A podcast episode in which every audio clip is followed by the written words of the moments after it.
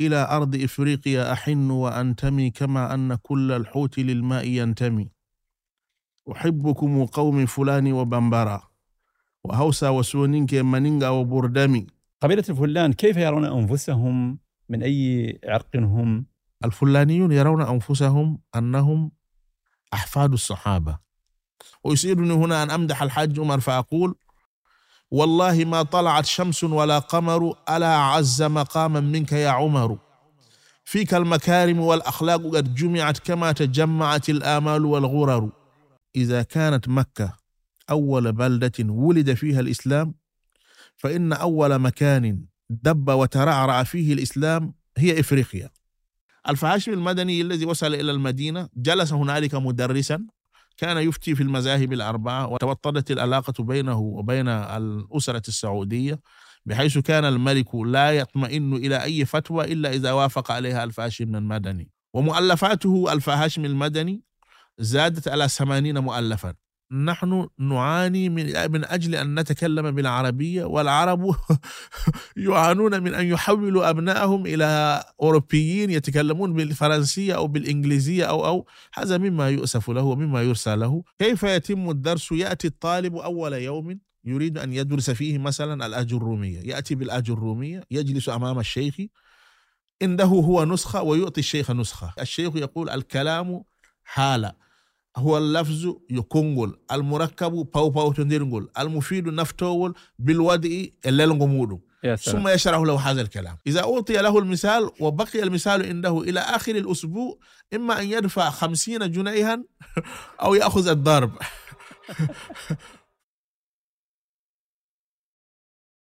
مشاهدي الأكارم أهلا ومرحبا بكم. هذه حكايات إفريقية. وهذا صاحبكم أحمد فال ولد الدين.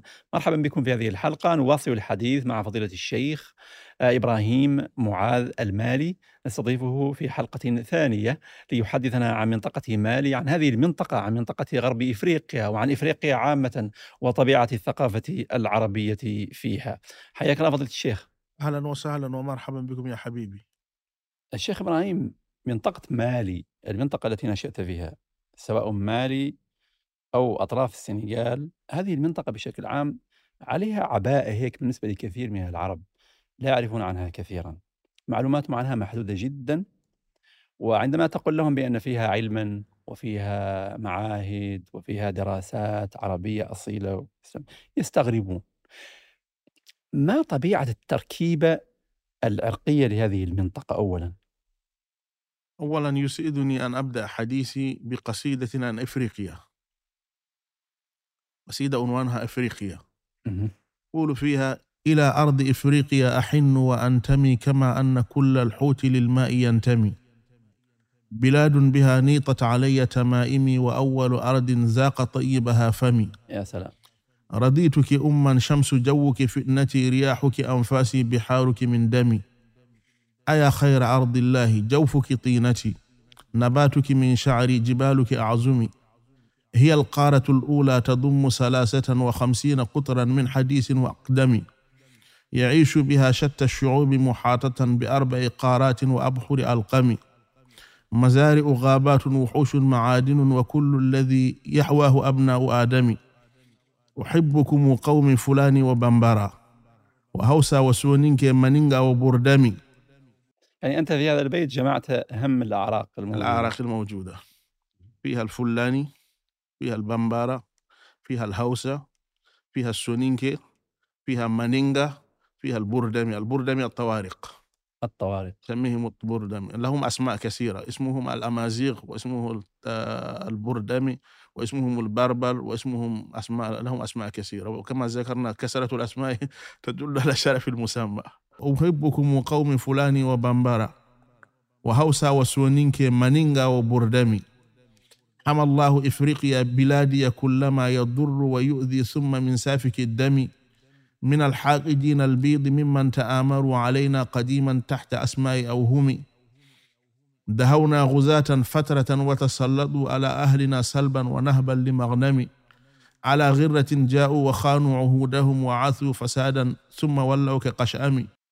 متى ما رأيت الفأر يرقص جهرة على جلد قط فند بالموت تسلمي. وهنا مثل إفريقي يقول آه. إذا رأيت الفأرة ترقص على جلد القط ال- ال- ال- ال- الأمر يرجع إلى الموت مات القط آه. نعم فالمستعمرون الذين جاءوا ورفضوا على ورقصوا على أعزمنا لأنهم قتلونا جاءوا بأسلحة مختلفة يعني جاءوا بسلاح مختلف عن أسلحتنا فتغلبوا علينا لكن ليسوا بأشجع منا ولا بأعلم بالحرب منا ولا بشيء آخر رفضنا خطاهم ثم خدناه ضدهم قتالا عنيفا يخضب البيد بالدم.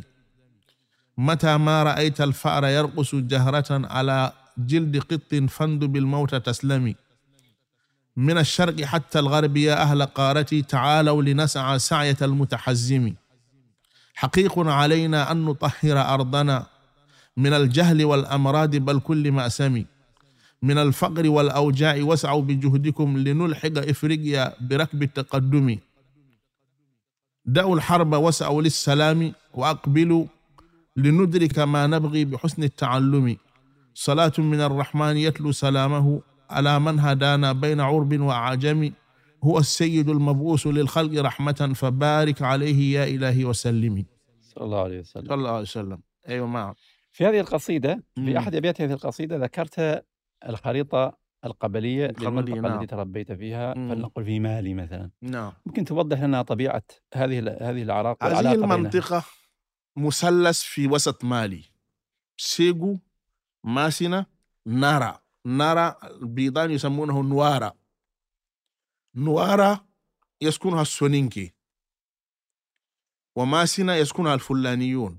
وسيغو يسكنها البمبارة لكن الآن اختلط الناس كلهم بعضهم ببعض. أصبح هذه الأماكن في سيغو فيها الفلان وفيها السونينكي وفيها وفيها وفيها لكن الأصل في سيغو البمبارة ونيورو اختلط فيها الفلان والبمبارة والسونينكي لكن الأصل فيها السونينكي. وماسينا أصلها الفلان لكن الآن اختلط فيها الب... الآن أصبحنا كماء ك... كلبن أضفت عليه ماء.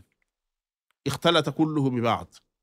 تناكح هؤلاء الأعراق وتزاوجوا وتعاملوا وتعانقوا وأصبحوا كلهم شيئا واحدا. جميل. هذا المثلث منبع علم مغفول عنه. كيف؟ سيغو هذه مدينة عظيمة تخرج فيها كثير من العلماء. لأن سيغو هذه هي عاصمة خلافة الحاج عمر رضي الله تعالى عنه العاصمة الثانية. الحاج عمر لما دخل هذه البلاد اتخذ لنفسه عاصمتين. عاصمة في نيورو وقضى فيها سنتين وعاصمة في بام في في في في سيغو. لما اتخذ هذه العاصمة هذه المدينة عاصمة له هو وجد هنالك بعض المسلمين وجد هنالك عائلة جيرة التي تحدثنا عنها بالأمس. واستقبله عمر الكبير. عمر الكبير من أسرة جيرة من أكبر علمائهم. هذه الأسرة لها علماء كثيرين جدا ومنهم الشيخ موري جيري الشيخ موري جيري هذا أعجوبة من أعاجيب الزمان. استطاع أن يؤلف لنفسه قاموسا آه، منجدا من بترجمة اللغة البمبارية إلى العربية والعربية إلى البمبارية واستطاع أن يؤلف لنفسه مقامات الحريري مقاماته الخاصة به. واستطاع أن يقوم بأشياء كثيرة جدا في الفن الإسلامي. هذه المنطقة لما جاءها الحاج عمر الفوتي رضي الله تعالى عنه في أواسط القرن التاسع عشر. 1860 تقريبا. تمام. لأن الحاج عمر توفي 1864 تمام. فهو مر بسيغو حوالي 60 في حوالي 60 القرن التاسع عشر. هو لما غادر خلف وراءه ذريته. ولا بد أن تكون أسرة علمية. ولعلمك الحاج عمر آية وعجوبة من أعاجيب الزمان. الحاج عمر هذا أنا أعشقه. بالأمس سألتني كم لي من الأسماء. قلت لي معاذ وإبراهيم وتسميت بثالث الطويلب. أتسمى بالطويلب الحاج عمر؟ ويسيرني هنا أن أمدح الحاج عمر فأقول والله ما طلعت شمس ولا قمر ألا عز مقاما منك يا عمر. فيك المكارم والأخلاق قد جمعت كما تجمعت الآمال والغرر. آباؤك السيد للأمجاد مبتدأ وأنت وحدك عن أمجادهم خبر. يصغي لك البر إجلالا وهيمنة والبحر عن أمرك الميمون يأتمر. وهمة لك في الآفاق سابقة يكاد يعجز عن إدراكها القدر. وأنت أعجب خلق الله قادبة وحار فيك وفي أخلاقك البشر. وأنت عين الهدى في عين ناظره وفي سوى أرضك المهدي منتظر. هذا أقوله في الحاج عمر الفوتي رضي الله تعالى عنه. هذا رجل عظيم. آه، ما طبيعة ال- الإنجازات أو الفتوحات التي قام بها الحاج عمر في القرن التاسع عشر؟ الحاج عمر الفوتي رضي الله تعالى عنه نشأ صغيرا في فوتة. تلقى العلم على يد أبيه أولا وتابع بمنطقة السنغال. من منطقة السنغال. هذه المن- المناطق اسمها القديم ماسنة في شمال مالي. وفوتا في ش...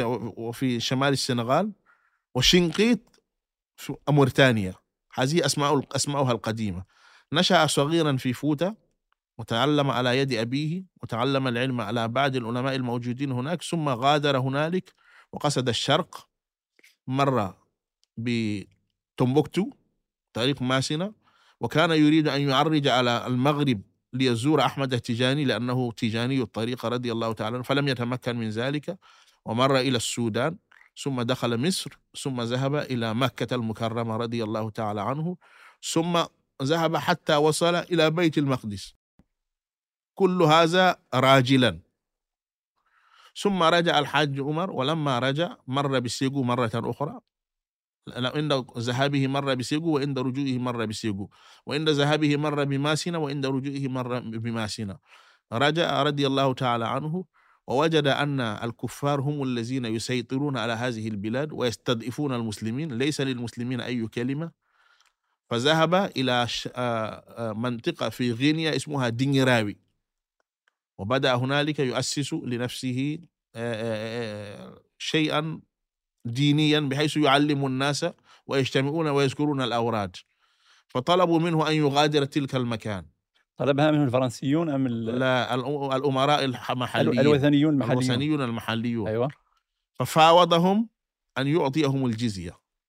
أن يعطيهم شيئا من المال في مقابل أن إتاوة. يبقى. يعطيهم إتاوة. أيوة. يعطيهم إتاوة. فبدأ يعطيهم الإتاوة لكنهم شكوا في أمره ولا أريد أن ندخل في قصة الحج عمر كثيرا.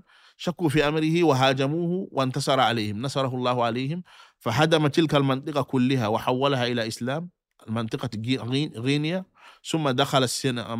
منطقة مالي والسنغال كيديرا وحولها إلى منطقة إسلامية ثم وصل إلى كاي ثم وصل إلى سيغو وأخيرا استشهد في ماسنا رحمه الله تعالى. الحاج عمر ترك أثرا كبيرا في سيغو بحيث ترك هنالك ذريته. ذريته التي تركها هنالك منها نجبة العلماء. أكبر عالم نجب في هذه الأسرة هو الشيخ ألف هاشم المدني. ألف هاشم المدني لما أراد الشيخ عمر أن يبدأ جهاده دعا الله أن ييسر الله له أن يمتد جهاده من دنيراوي في غينيا إلى الحرمين إلى الحرمين إلى الحرم الم- المكي والمدني. واستجاب الله دعاءه بحيث هو لم يصل بجسده لكن ابن أخيه ألف هاشم المدني الذي اسمه محمد بن أحمد الهاشمي وصل إلى المدينة. ألف هاشم المدني الذي وصل إلى المدينة جلس هنالك مدرسا أول الأمر تلقى العلم استكمل بقية علومه ثم جلس مدرسا في المسجد النبوي الشريف لمدة 25 سنة. ومؤلفاته ألف هاشم المدني زادت على 80 مؤلفا من أكبر العلماء. كان يفتي في المذاهب الأربعة وله مؤلفات كثيرة وتوطدت العلاقة بينه وبين الأسرة السعودية بحيث كان الملك لا يطمئن إلى أي فتوى إلا إذا وافق عليها ألف هاشم المدني. وألف هاشم المدني لما وصل إلى المدينة أنشد ثلاثة أبيات. لما حضرته الوفاة أنشد ثلاثة أبيات. طلبوا منه أن يذهبوا به إلى الطبيب فرفض وقال وماذا يبتغي الأحباب مني وقد دانا إلى السبعين سني. لقاء الله بالإيمان ظني بقرب إمام إنسي وجني. صلاة الله معطي كل مني عليه مع السلام بغير مني. أنشر هذه الأبيات الثلاثة ورفض أن يذهب إلى الطبيب وتوفي هنالك ولما توفي أوصاهم ألا يحملوه على الأكتاف ويمر به أمام قبر النبي عليه الصلاة والسلام لئلا يعلو وهو على النبي عليه الصلاة والسلام. والمدارس الحديثية الموجودة الآن في الحجاز قائمة على أكتافه لأن عبد الرحمن الإفريقي الذي اشتهر كثيرا وألف كتابا يزم فيه التجانيين هذا الرجل تلقى العلم على سعيد صديق. سعيد صديق تلميذ لألف هاشم المدني. فكل ال- الأس- الأسانيد والأسبات السعودية الآن تمر على ألف هاشم المدني لتصل إلى ما تصل إليه من علو السند. وألف هاشم هذا من ذرية آه، من ذرية الحاج عمر الحاج عمر لأنه الفوتي. ابن أخيه. نعم ابن أخي الحاج عمر ابن. أخي الحاج عمر. طيب الحاج عمر الفوتي من الفل... الفلان. الفهاشم المدني قلنا إن مؤلفاته زادت على الثمانين. منها ما هو مطبوع وجلها ضاعت. المطبوع منها سلاح التجانيين في الرد على المعترضين والمغترين هذا مطبوع. وله مؤلف لطيف في اللغة من الله علي وأسرت عليها وأشرحتها وحققتها وطبعت. تحت عنوان شرح منظومة الهبات اللطفية في بيان الكلمات الاسمية والفعلية والحرفية. ما فكرة هذا الكتاب؟ أنه يأتي بالكلمة الواحدة وتكون الكلمة اسما وفعلا وحرفا في نفس الوقت. استطاع أن يأتي بخمسين كلمة. ولم أرها لغيره مما اطلعت عليه من كتب المتقدمين. مثلا يقول لك إن قلت لا تكن علينا كلا أي ثقلا فاسم وقيت كلا. وإن تقول زيد وعمر كلا في السير كان ماضيا تجلى. وإن تقول كلا لئن لم ينتهي فحرف زجر كل ثمارا تشتهي. استطاع أن يأتي بكلا الآن ثلاث مرات؟ مفهوم. ما آه آه. مم. كلا الأولى اسم لا تكن علينا كلا. نعم. كلا الثانية أيضاً. زيد وعمر كلا فعل. تعبا كلا لئن لم ينتهي حرف. جميل. على هذا النمط استطاع أن يأتي بخمسين كلمة من هذا النمط. هذا الشق الأول من الكتاب. الشق الثاني في الكتاب الكلمات التي يكون فيها فعل الأمر على حرف واحد. بقية عنوان الكتاب مع الأوامر التي ترد على أمر مع الأو- مع, مع الأوامر التي الأوامر التي ترد على حرف ينفرد. يأتي بالكلمة يكون فعل الأمر فيها حرفا واحدا فقط.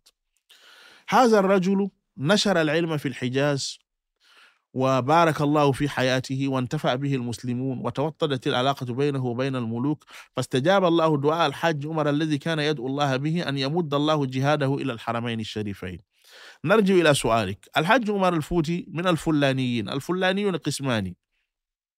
فيهم فلانيون يسمون فلانيين وفيهم قسم آخر يسمى بالتورودو. الفلانيون يعني رعاة الأبقار. من يكون مهنتهم الرعي فقط. يرعون الغنم يرعون البقر ولا يرعون الإبل. الإبل ثقافة العرب. لا نعم. يعرفون الإبل. يعرفون البقر ويرون البقرة أجمل من كل شيء. وفي موريتانيا بقرهم أبيض دائما. بقرهم أبيض. أيوة. أيوة. أيوة أيوة أيوة, يحبون البقرة حبا عظيما. وأنا بنفسي أحب البقرة. البقرة أحب إلي من كل شيء وخاصة عندما يولد وهو صغير. يعني أجل البقر وهو صغير. يكفيني عن الطعام والشراب. أحبه لأن حبا فلاني أصيل. الفلاني أسيل وألفت في ذلك كتابا اسمه قبات ألف هاشم الفلاني. قبات ألف هاشم الفلاني يتكون من أربعة أجزاء. الجزء الأول يتكلم على لغة الفلانيين لغتهم. أيوه. واللغة والجزء الثاني يتكلم على ثقافتهم. والجزء الثالث يتكون على تاريخهم قبل الإسلام والجزء الرابع تاريخهم فيما بعد الإسلام والكتاب والكتاب لم يتم منه إلا الشق الأول فقط شرح لغتهم هل هي مكتوبة بالعربية؟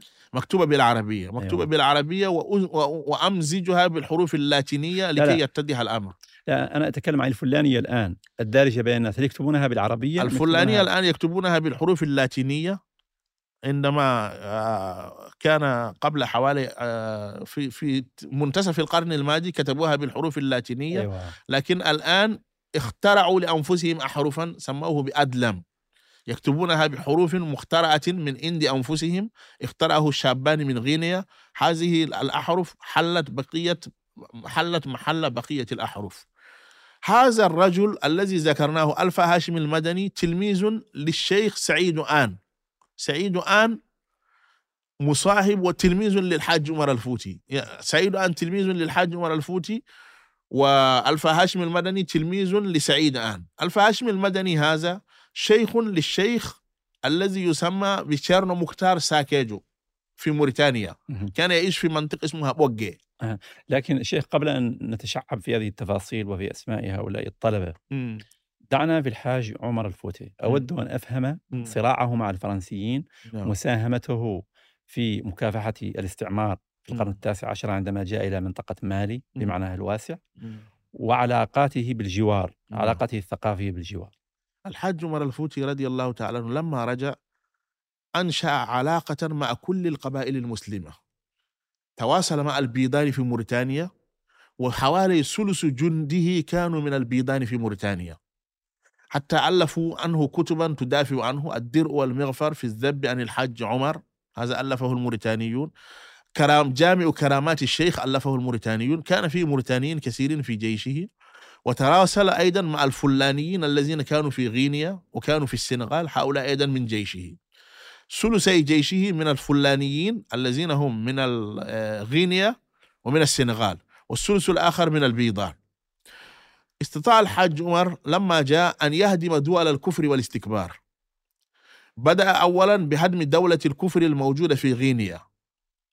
هدم دولة الكفر الموجودة في غينيا ثم دخل إلى السنغال وهدم دولة الكفر الموجود فيها ثم دخل إلى مالي وهدم دولة الكفر الموجود فيها في سيغو. سيغو وسط مالي لما هدم دولة الكفر كان بوده أن يمر إلى منطقة اسمها سيكاسو. أيوه. لكن ماذا حصل؟ رئيس الكفر في سيغو فر والتجأ إلى الماسينيين. والحاج عمر طالب أن يسلموه إليه. ورفضوا أن يسلموه إليه. فاضطر أن يذهب إلى هنالك إلى ماسنة ليستكمل ال- الحرب هنالك. هذا الذي جره إلى ماسنة لكن لما فر الكافر الموجود إلى سيغو إلى ماسنة ورفضوا أن أن يردوه إليه اضطر أن يذهب إلى ماسنة آه، في خلال تلك المدة تناوش أيضا مع البيدان الذين هم آه، المستعمرون.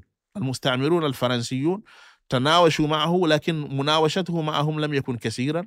لما استشهد ابنه أحمد هو الذي قاوم المستعمرين. هو من قتله؟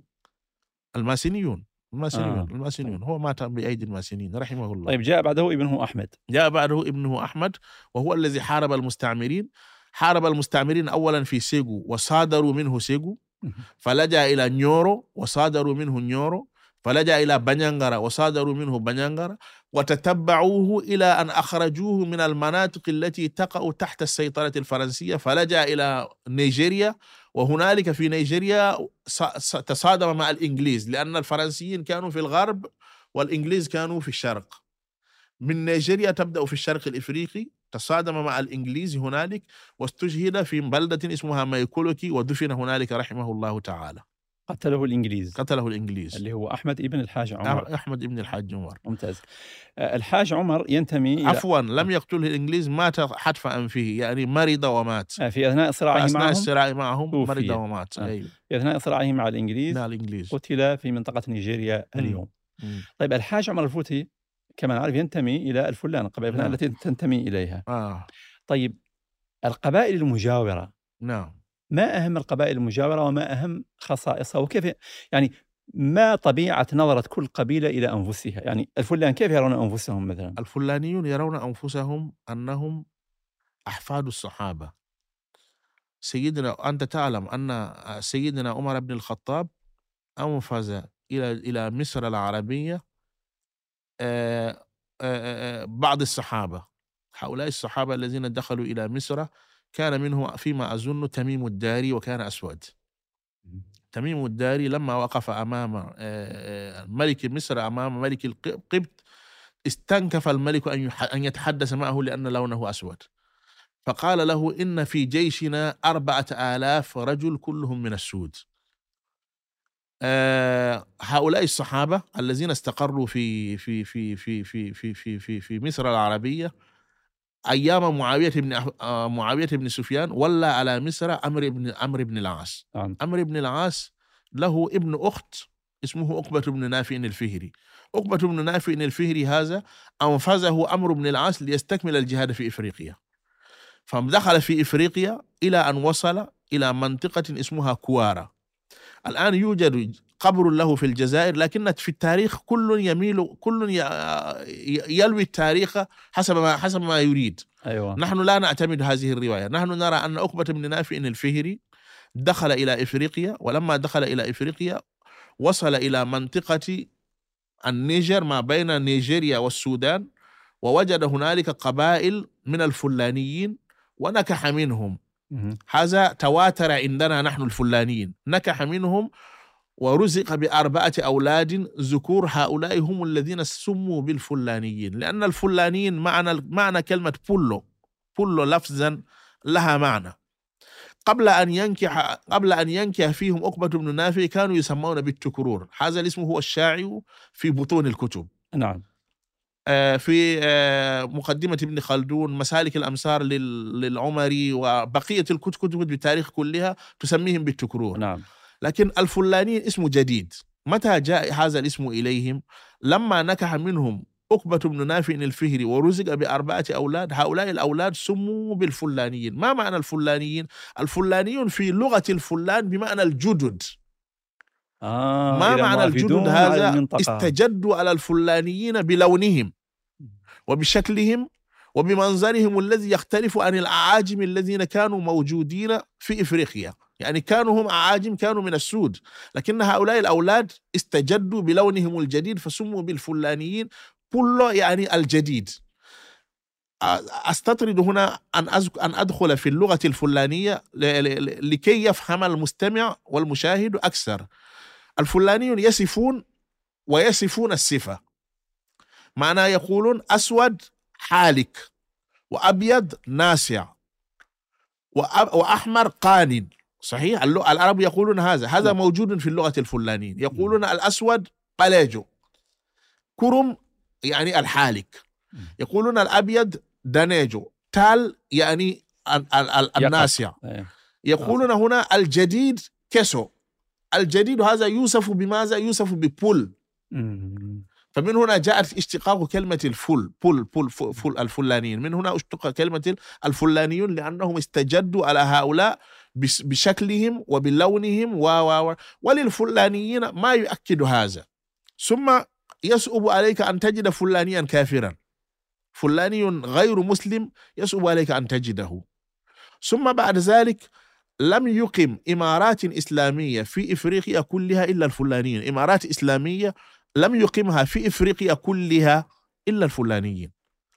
في الغرب الإفريقي بالذات أقاموا ثلاثة ممالك، مملكة عثمان فودية نعم قلت بأنه لا يوجد عرق أقام دول إسلامية إلا الفلان كيف؟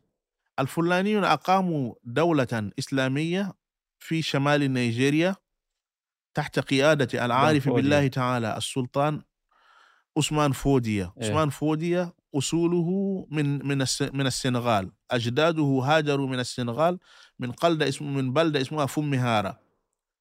ووصلوا إلى نيجيريا واستقروا هنالك وأنجب هنالك هو لأسرة عريقة في الإسلام واستطاع هو أن يمهد تلك المنطقة كلها ويحولها إلى منطقة إسلامية. نعم. ثم بعد ذلك المجاهد الكبير محمد بن أبي بكر الماسيني المشهور بالش- بالشيخ أحمد، الشيخ أحمد في شمال مالي أقام دولة إسلامية استمر عمرها 45 سنة، فاتني أن أقول م- كم استمر دولة عثمان فودي؟ استمرت 70 سنة. آه، ودولة أس- الحاج عمر آه، آه، دولة الشيخ أحمد استمر 45 سنة. ثم بعد ذلك جاء المجاهد الكبير الحاج عمر الفوتي رضي الله تعالى عنه وأقام دولة إسلامية استمرت 30 سنة. هؤلاء هم الفلانيون لهم ما يشهد لهم بأنهم من ذرية الصحابة. لهم ما يشهد بذلك. أولا اختلاف ألوانهم عن بقية الأفارقة. ثانيا كونهم جميعا مسلمين قل أن تجد فيهم غير مسلم. ثالثا أنهم أقاموا الدول الإسلامية في شم... في غرب إفريقيا.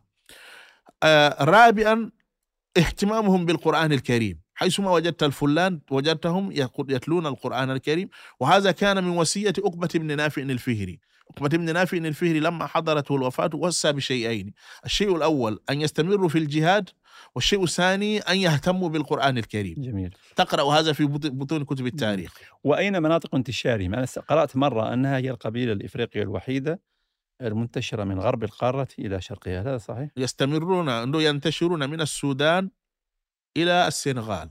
من السودان شرقا إلى السنغال غربا.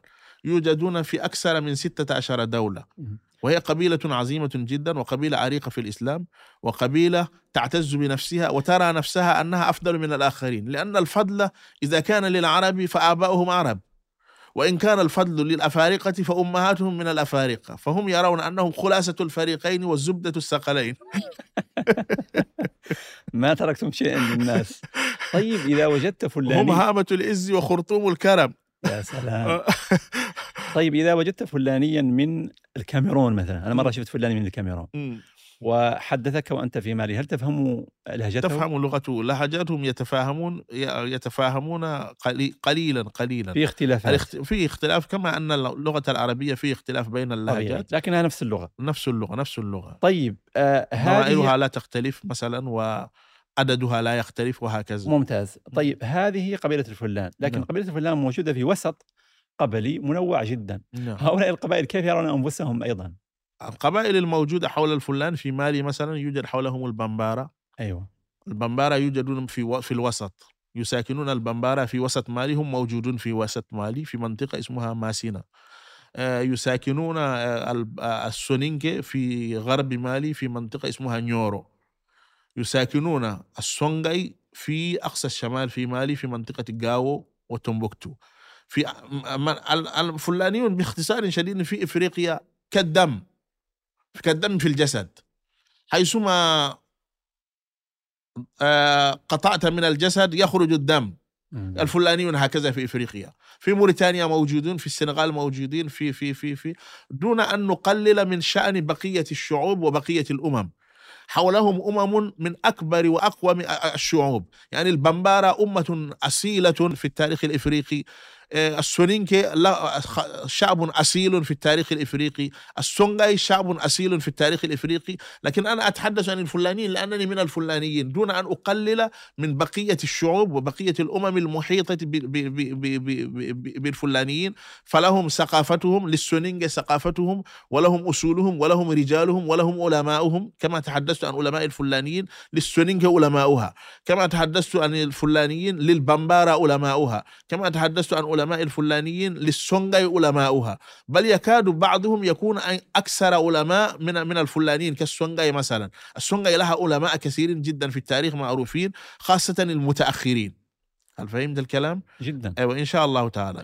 آه، هل يمكن أن تعطيني صوره آه، مختصرة عن نظرة السونغاي إلى أنفسهم والبمبارة وخصائص كل قبيلة من هذه القبائل؟ كل هذه القبائل تعتز بنفسها وترى أنها هي لها هامة العز وخرطوم الكرم.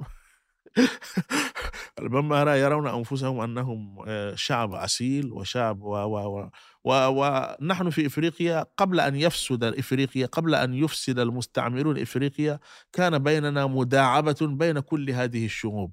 يعني الفلانيون يداعبون البمبارة والبمبارة يداعبون الفلانيين. والسونغاي يداعبون ال- آه، قبائل آه، الم- آه، السونغاي السونينكي والسونينكي يداعبون ال- ال- السونغاي كان في بيننا مداعبة ومصاهرة وقبل أن يأتي المستعمرون لكن لما أتى المستعمرون أفسدوا هذا. أفسدوا هذه العلاقة أفسدوا هذه والفوا. كتبا تحث على التنافر بين هذه العلاقة وبين وبين نعم، هذه نعم. بين هذه القبائل. هل هناك محكيات أو أساطير حتى من باب آه، يعني المداعبة ل- لهذه القبائل عن أنفسها وعن جيرانها. لكل أمة أربعة أشياء بدونها لا تكون أمة كما ذكر ابن حزم رحمه الله تعالى. لكل أمة لغة. الأمة بلا لغة لا تكون أمة. ولكل أمة دين بدون دين لا تكون الأمة أمة. سواء هذا الدين كان محقا أو باطلا لا بد للأمة أن يكون لها دين. ثم لكل أمة أرض. لا بد أن يعرف كل أمة بأرض معينة. مثلا الفلانيون ماسنة الفلانيون فوتا. لابد أن يكون لهم أرض. ولكل أمة س- أساطير. لابد أيوة. ان توجد الأساطير لكل أمة. ذكر ابن حزم أن هذه هي مكونات الأمم. يعني لا, تخلو أمة من الأمم عن هذه الأشياء الأربعة. فللفلاحين أساطيرهم الكثيرة جدا. منها مثلا أن رجلا عاش 600 سنة. فسالوه كيف عشت 600 سنة؟ فقال في الصيف إذا جاء الصيف لابد كل يوم أن أشرب اللبن. هذا هو الأول الشيء الأول لانهم ثقافتهم الأبقار. جدا. في الصيف كل ليلة أشرب اللبن. وفي موسم الأمطار كل يوم آكل اللحم. وفي موسم الشتاء كل يوم اكل آه اسمه إيه في في اللغة العربية؟ الزيت الذي يستخرج من اللبن. الزبدة؟ الزبدة. آه آه. السمن. السمن السمن. في. اذا هو في في في الصيف يأكل اللحم وفي الخريف موسم الأمطار يشرب اللبن في الصيف يشرب اللبن وفي الخريف يأكل اللحم وفي الشتاء يأكل السمن يشرب السمن. بسبب هذه الثلاثة هو عاش 600 عاش سنة 600 سنة. مثل هذا موجود أساطيرها عند كل الناس. مم. موجود عنده موجود عند الفلانيين وموجود عند البمبارة وموجود عند كل الناس. طيب دعني أعود إلى منطقة سيغو هذه وهذه المنطقة الواسعة. من أيوة فولتا إلى سيغو إلى ماسينا حتى ممكن نوارا. ن... ن... نعم. هذه المنطقة لو جئنا نتأمل خصائصها الثقافية مم. ما أهم الخصائص الثقافية لهذه المنطقة؟ أهم الخصائص الثقافية لهذه المنطقة أنها أمم إسلامية كلها.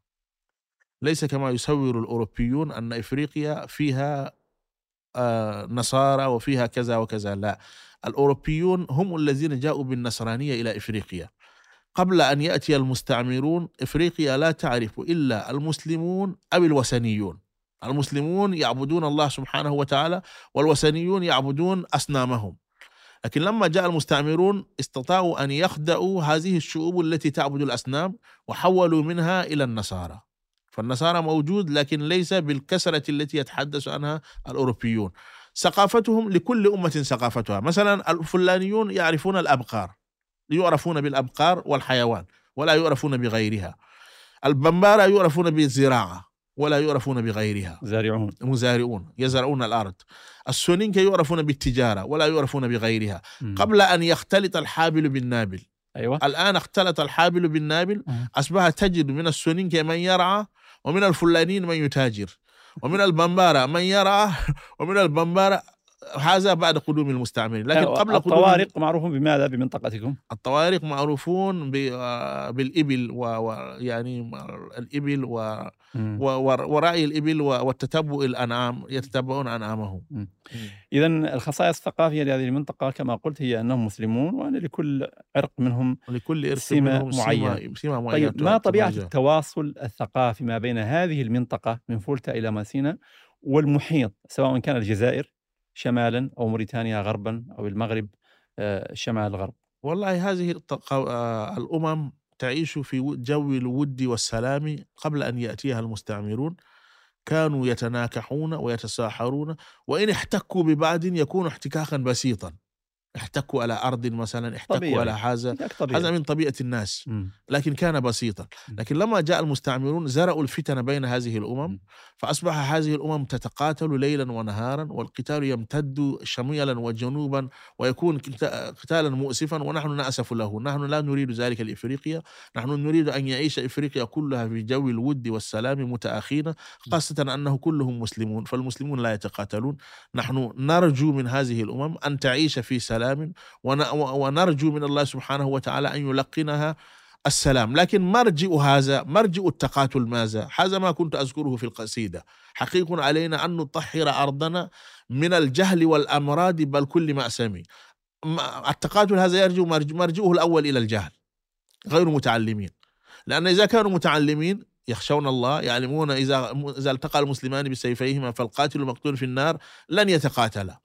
لكن الجهل الذي يوجد هو الذي يسبب هذه الأشياء، ثم بعد ذلك الفقر المدمن الموجود في هذه المنطقة، الفقر ينتج هذه الأشياء والجهل أيضا ينتجها آه، وأشياء أخرى لا نريد أن نتدخل فيها.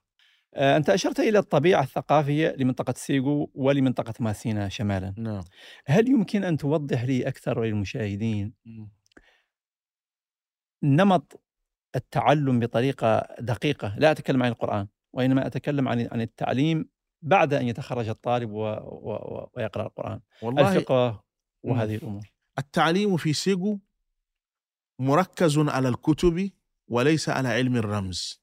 والتعليم في ماسنا مركز على علم الرمز وليس على الكتب. كيف يتعلم الإنسان في سيغو مثلا هناك فنون متعددة. هناك فن النحو هناك فن الفقه هناك فن اللغة. في فن النحو يبدأ الطالب أول ما يدرس يدرس الأجرومية. بعدما ينتهي من الأجرومية يدرس ملحة الإعراب. بعدما ينتهي من ملحة الإعراب يدرس قطر الندى. بعدما ينتهي من قطر الندى يدرس شذور الذهب.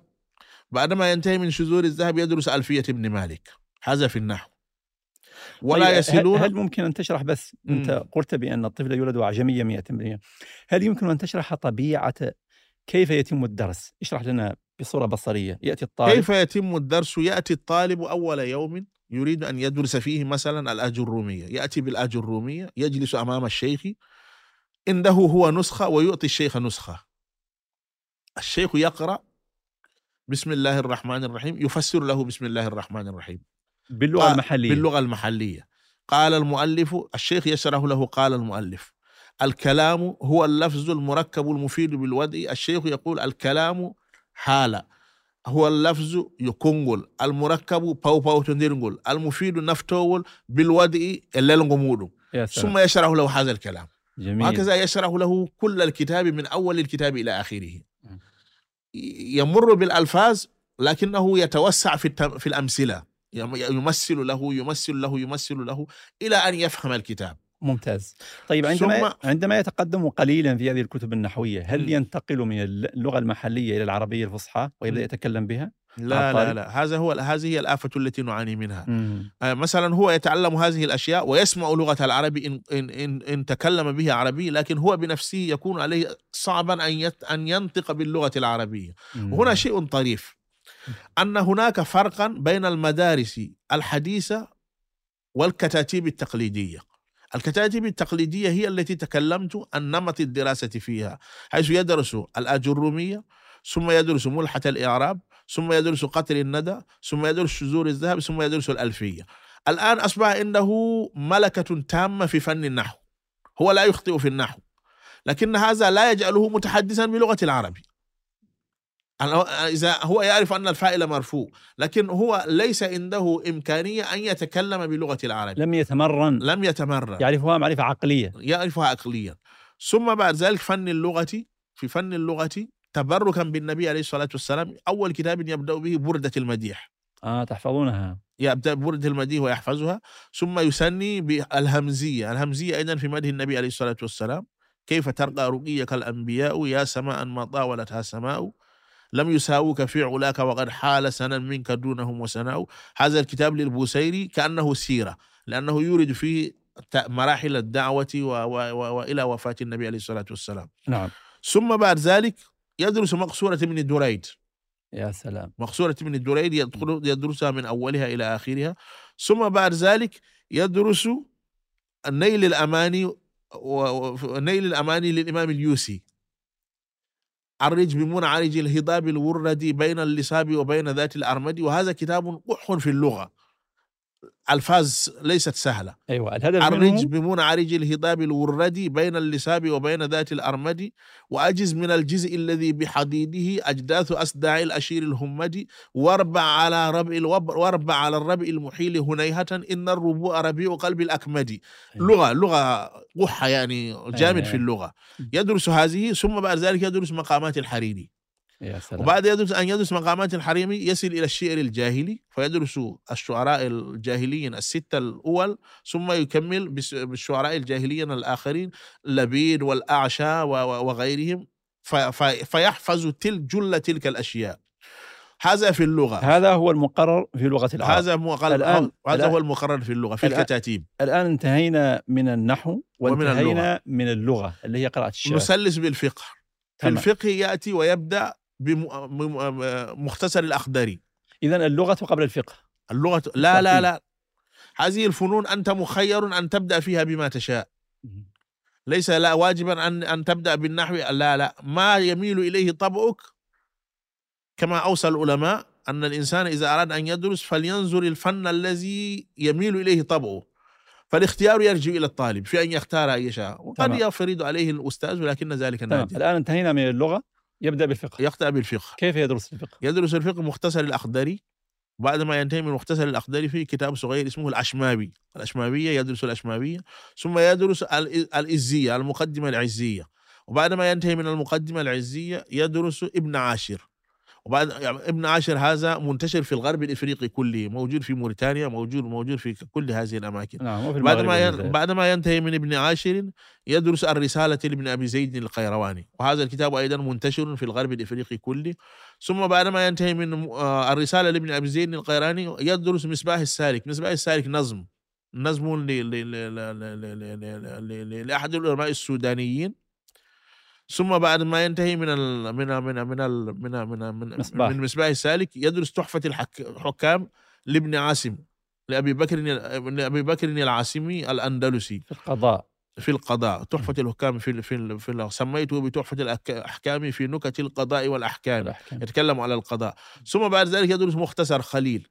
وبعض الناس قد لا يدرسون تحفة الأحكام والمصباح وإنما بعدما ينتهون من الرسالة مباشرة يدخلون إلى مختصر خليل. مهم. مختصر خليل من جزئين الجزء الأول والجزء الثاني. قد يمكث فيها أربع سنوات ليتمها لأنه كتاب صعب جدا لكنه ملم بكل الفروع المالكية التي يحتاج إليها المفتي.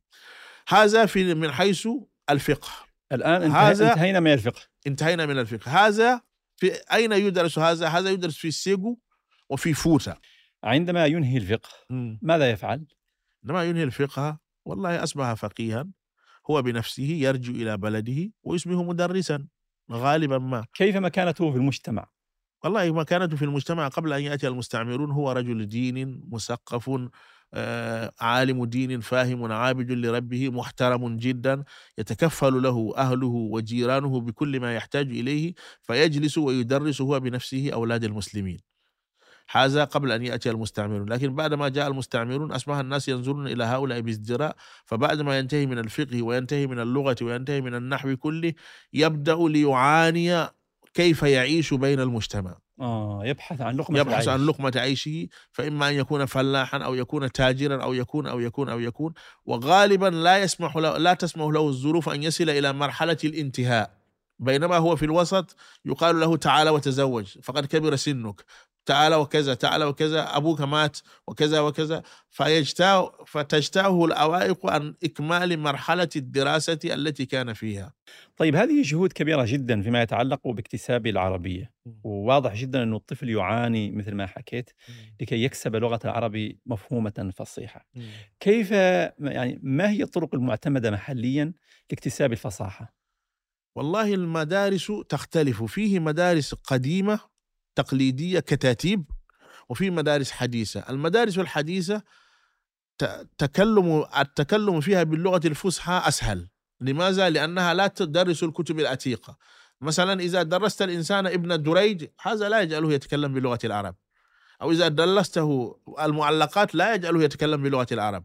وإنما في المدارس الحديثة كتب تجعلك تتحدث باللغة العربية. التلاوة العربية للمدارس الإفريقية الذي الذي ألفه المغاربة. الكتاب الذي ألفه ألفه المغاربة كما ذكرنا بالأمس ألفته المغاربة. نعم. هذه هؤلاء إنهم حيلة لكي يتكلم الطفل باللغة الفصحى. ما هي الحيلة؟ أنهم يأتون بخشبة خشبة مثلا هكذا. هذه الخشبة مربعة مش مثلثة. هذا مثلث لكن لا تزيد في حجمها عن هذا. أيوة. لكنها مربعة. يسمونها بالمثال. هذا المثال ما وظيفته؟ وظيفته أننا إذا دخلنا في الفصل كل من يتكلم بغير لغة العرب يعطى له المثال. إذا أعطي له المثال وبقي المثال عنده إلى آخر الأسبوع إما أن يدفع خمسين جنيها أو يأخذ الضرب. فهذا المثال يفرض على الناس أن يتكلموا بلغة العربية لأنك إذا لم تتكلم بها إذا لم تمارسها لن تستطيع أن تتكلم بها. جميل. فلكي تمارسها لجوا إلى حيلة اسمها المثال. جميل. المثال هذا هذه الخشبة يأتي بها الأستاذ ويقول يا فلان أمسكها. من تكلم بلغة غير العربية أعطه إياها. فيضطر الجميع أن يتكلموا بلغة العرب. وهذا الذي بيده المثال يتلصص ويتجسس لكي يجد ببالغ الحب لكي يجد من يتكلم بلغة غير العرب. فإذا تكلم واحد بغير لغة العرب يعطيه إياه. جميل. إذا أعطي ذلك الإنسان المثال أصبح له مشكلة. إما أن يدبر كيف يجد خمسين أنا قلت جنيها ليس جنيها لا يتكلمون بال... لا لا يتعاملون بالجنيه وإنما 50 يتعاملون فرنك سيفا 50 فرنك سيفا م. بالعملة الإفريقية الموحدة. إما أن يأتي بخمسين وإما أن يأخذ ضربا. فهو إذا أعطي المثال كل همه أن يجد من يتكلم بلغة غير العربية. فمن هنا يتدرب الطفل على الفصحى أنا من هذه المدرسة درست. هي مدرسة الهداية والرشاد. المدارس الرسمية. طيب آه، مدارس هذا الرسمية. المثال لو أنهم أتوا إلى إلى العرب اليوم لأعطوا المثال لبعض العرب لأن مم. بعض العرب الآن يحرمون أبنائهم من العربية ويعلمونهم اللغات الأجنبية ويحرمونهم من أن يتكلموا العربية وهي لهم متاحة. مم. كيف ترى الآن هذه والله. إنه عرب يحرمون أبنائهم من تعلم العربية وأنتم تعانون لكي تتكلموها. نحن نعاني من من أجل أن نتكلم بالعربية والعرب يعانون من أن يحولوا أبنائهم إلى أوروبيين يتكلمون بالفرنسية أو بالإنجليزية أو أو هذا مما يؤسف له ومما يرسى له. وقد تعرضت لهذه الظاهرة أيام الدخول إلى مصر. لما دخلت مصر كنت أتكلم بالفصحى لكن إذا تكلمت بالفصحى يضحكون. يقولوا يا سلام. يا سلام اللغة الفر... اللغة الحلوة. يا سلام. اللغة العربية الفصحى الحلوة. هذا مما يؤسف له يعني مما يرسى له. ونحن نحب هذه اللغة من أجل أنها لغة الإسلام. يعني لغة الإسلام هي التي تسلي بها هي التي تعبد بها الله سبحانه وتعالى هي التي تسبح بها. إذا أردت أن تسبح الله بعد الصلوات لابد أن تلجأ إلى اللغة العربيه وإذا أردت أن تقرأ القرآن لابد أن تلجأ إلى اللغة العربيه وإذا أردت أن تصلي لابد أن تلجأ إلى اللغة العربيه فهي لغة دينية هي حبيبة إلى نفوسنا. نحن نحبها. ما تفسيرك لكل هذا الحرص وهذه المركزية التي تمنحها تمنحها هذه المنطقة الإفريقية في مالي والسنغال ونيجيريا والنيجر لل- لل- للغة العربية؟ والله السر يرجع, يرجع إلى أنها لغة النبي محمد صلى الله عليه وسلم. هذه اللغة لغة الإسلام. العرب قبل أن يأتي الإسلام لغة للعرب فقط لكن بعد أن يأتي جاء الإسلام بعد أن نزل الوحي أصبحت لغة عالمية. كل من انتمى إلى هذه الدين إلى هذا الدين لابد أن أن يلم بها. فمن أجل هذا نحن نحب اللغة العربية. نحب اللغة العربية ون- ونجاهد من أجل اللغة العربية ونتئب أنفسنا و و و وقد يظنون أنك في الشرق إذا أتيت لتأخذ الشهادات إذا رجعت إلى بلدك ستتوظف بهذه الشهادات. ليس الأمر كذلك. نحن نأخذ الشهادات ونرجع بها اعتزازا بلغة العرب فقط اعتزازا بانتمائنا إلى الدين الإسلامي. لكن لا نتوظف بها. بعدما ترجع إلى بلدك لا تتوظف بهذا الشيء بهذه الشهادات ولا يقيم لها الدولة أي شيء ولا تقيم لها الدولة أي وزن أي وزن أو أي معنى. وإنما تدرس فقط من أجل أنك تحب اللغة العربية. ما طبيعة الحرب القائمة داخل مالي والمنطقة بشكل عام بين اللغة العربية واللغة الفرنسية؟ لغة المستعمر. قبل أن يأتي المستعمرون اللغة الرسمية كانت اللغة العربية. اللغة العربية هي في مالي. في مالي. هي التي كانت اللغة الرسمية لأن كل الشعوب كان كل من تعلم في المدارس في الكتاتيب يتكلم بها بينهم. لكن لما جاء المستعمرون حذفوها وحل محلها اللغة الفرنسية هل يوجد الآن ضغط شعبي للتخلص من الفرنسية وإعادة اللغات المحلية والعربية بدلها؟ يوجد ضغط من هذا القبيل. البمبارة يريدون أن تحل اللغة البمبارية كلغة رسمية والفلانيون أيضا يريدون ذلك والسونينكا أيضا يريدون ذلك لكن لن يتمكنوا من ذلك. لماذا؟ لأن نحن نقول الميزة الوحيدة التي تركتها المستعمر هي اللغة. وحددنا في اللغة بحيث إذا اجتمعنا لن تسمح بقية القبائل أن يتحدث بلغة قبيلة دون الأخرى. ويا ليت تكون اللغة الرسمية تكون العربي اللغة العربية لكن هذا غير مطروح. غير مطروح غير مطروح يعني لا يوجد ناس يدعون الآن إلى أن تكون. يعني آه، الجواز في مالي مكتوب فيه بالعربية مكتوب بالفرنسي وعربي مكتوب فرنسي وعربي مم. لكن لا يوجد من يدعون إلى العربية باعتبارها لا لا آه، لغة موحدة مم. طيب نحن تحدثنا عن الخصائص الثقافية لمنطقة سيغو مم. آه، الآن ما هي الخصائص الثقافية أو الخطوات التي يمر بها الطالب في المنطقة الشمالية لمنطقة ماسينا. والله الطالب في المنطقة التي هي منطقة مواسينا الطالب يمر فيها بثلاث مراحل رئيسية. المرحلة الأولى التهجي تهجي الحروف وبعد التهجي الحروف قراءة التدرب على النطق على بالقراءة بحيث يقرأ القرآن الكريم. بعد القرآن يعني القرآن مشابه كله. أنا قصدي في منطقة ماسينا بعد أن ينهي حفظ القرآن بعد أن ينهي ما هي الخصائص؟ لا المرحلة ثلاث مراحل. مرحلة تهجي الأحرف هذه مرحلة ثم مرحلة حفظ القرآن الكريم هذه مرحلة بعد حفظ القرآن الكريم مرحلة دراسة فن الرمز. وفن الرمز قلنا لا يجب الاستهانة به لأن ماذا؟ إن عندهم أشياء لم يأتي بها العرب. مثلا أصحاب الرمز يقولون إن الأماكن التي توالى فيها أربع كلمات بالرفع في القرآن الكريم سبع ما- أماكن. قول معروف ومغفرة خير. أيوه. أربع كلمات. بلدة طيبة ورب غفور. أربع كلمات. جدد بيد وحمر مختلف. أربع كلمات. لعب ولهو وزينة وتفاخر. أربع كلمات. مسفرة ضاحكة مستبشرة ووجوه. أربع أربع كلمات. سرر مرفوعة وأكواب موضوعة. أربع كلمات. سجين كتاب مرقوم ويل أربع كلمات. هذا هذا الحفظ والضبط لكتاب الله سبحانه وتعالى لا تجده عند غيرهم. يعني لا يوجد في فن في فن آخر من يضبط القرآن الكريم بهذه الكيفية فلا ينبغي الاستهانة بفن الرمز هذا. يعني في موريتانيا غربكم ما اهتموا به هو المتشابه ينظمون المتشابه. ينزمونه يأتي إلى فقالة ويعطيك انه موجودة مثلا 12 مرة في القرآن مثلا. لكن هذا النمط بالذات فعلا يبدو أنه خاص بمنطقة ما سيناء كيف يصلون إلى هذه الدرجة من الإتقان في جزئيات القرآن؟ والله هنا آه لا بد من ذكر أن هذا الفن اخترعه رجل عظيم اسمه إبراهيم أفورو. إبراهيم أفورو آه يكنى ببابوتو. بابوتو هذا هو الذي اخترع هذا الفن وألف فيه كتبا سبع كتب.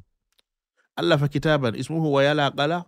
ويلا قلا يعني الاسم قد يكون غريبا عليك أنت لأنك عربي لكنه أعجمي ليس بغريب عليه.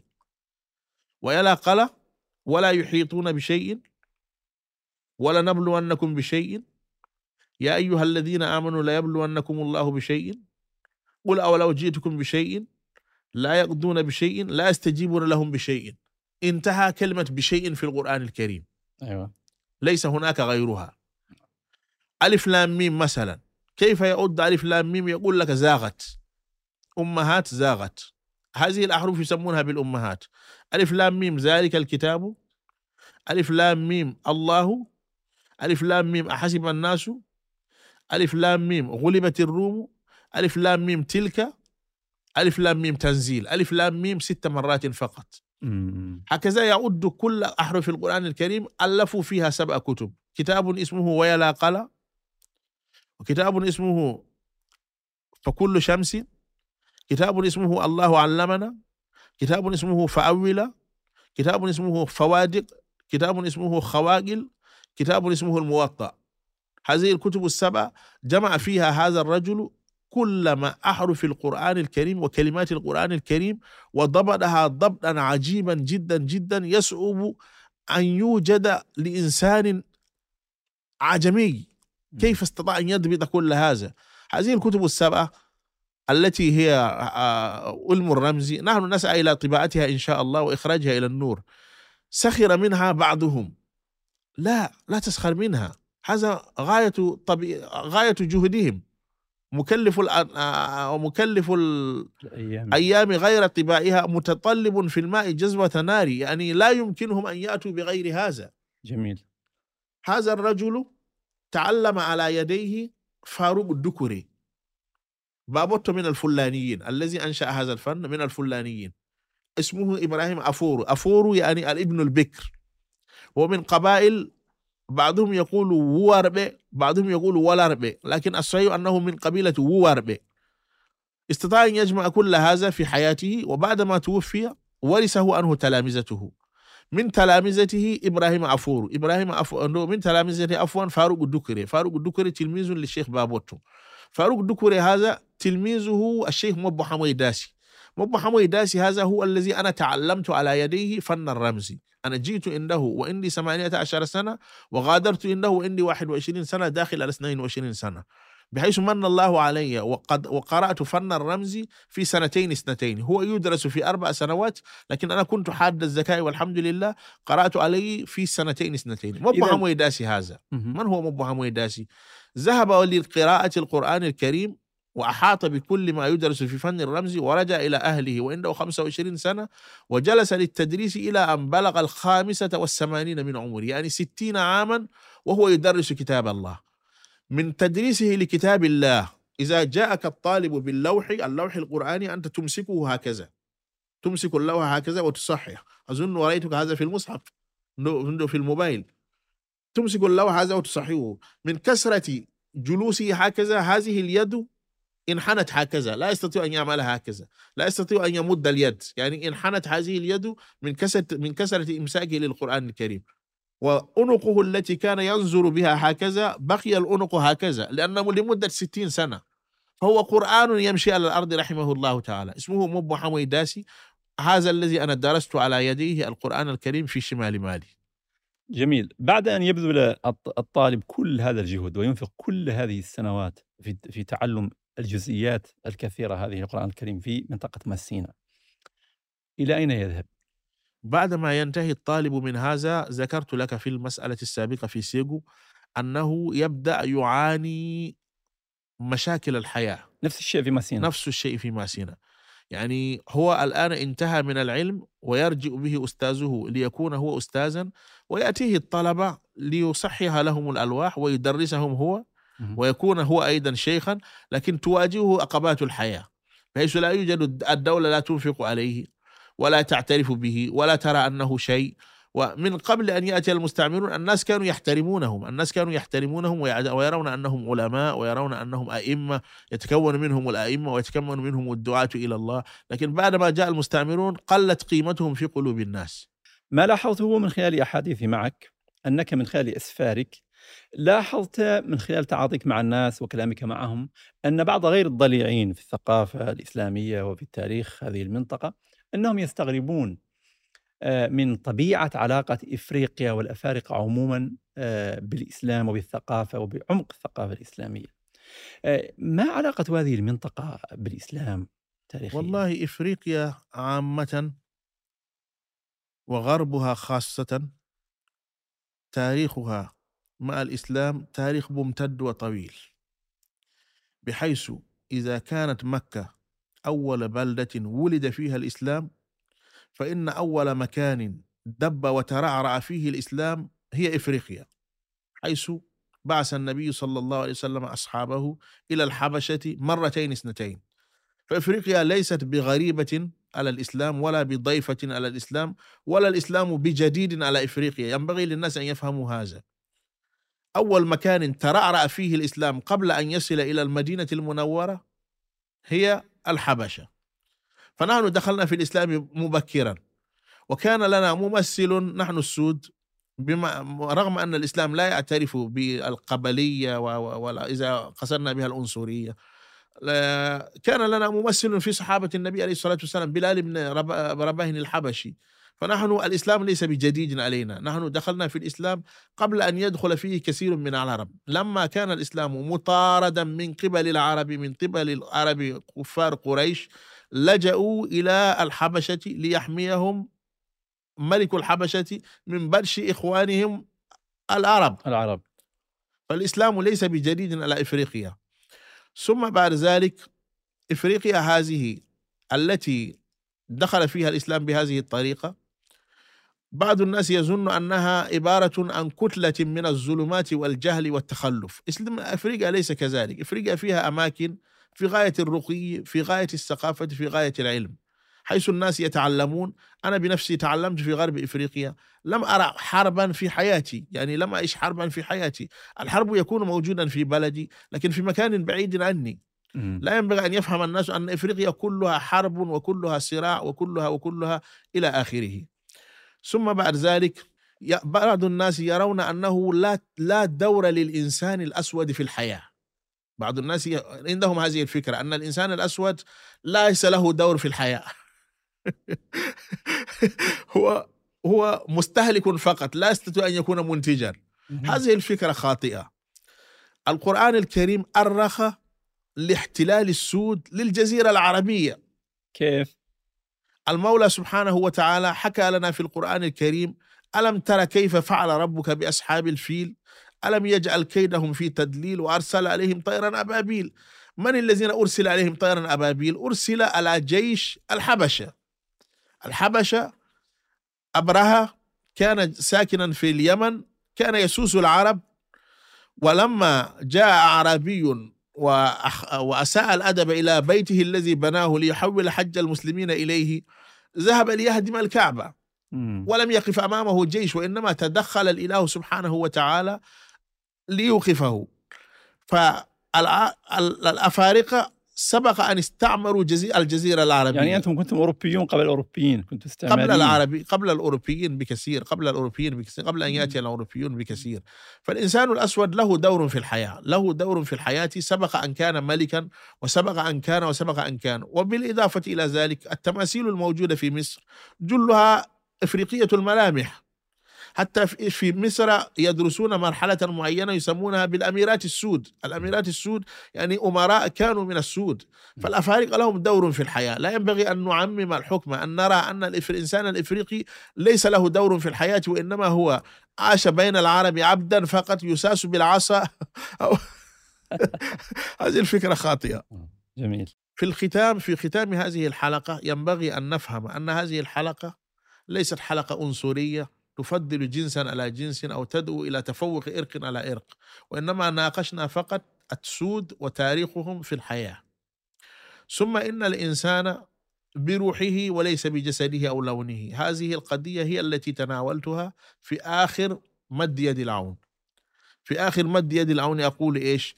وما قيمة الإنسان إلا بروحه هو الجوهر الغالي الذي يتفقد. وما دونه فينا جميعا عوارض بدائع سنء الله فيها تعدد. يا سلام. كأن لسان الحال فيهن ناطق على كل حال أعجبتك لها الغد.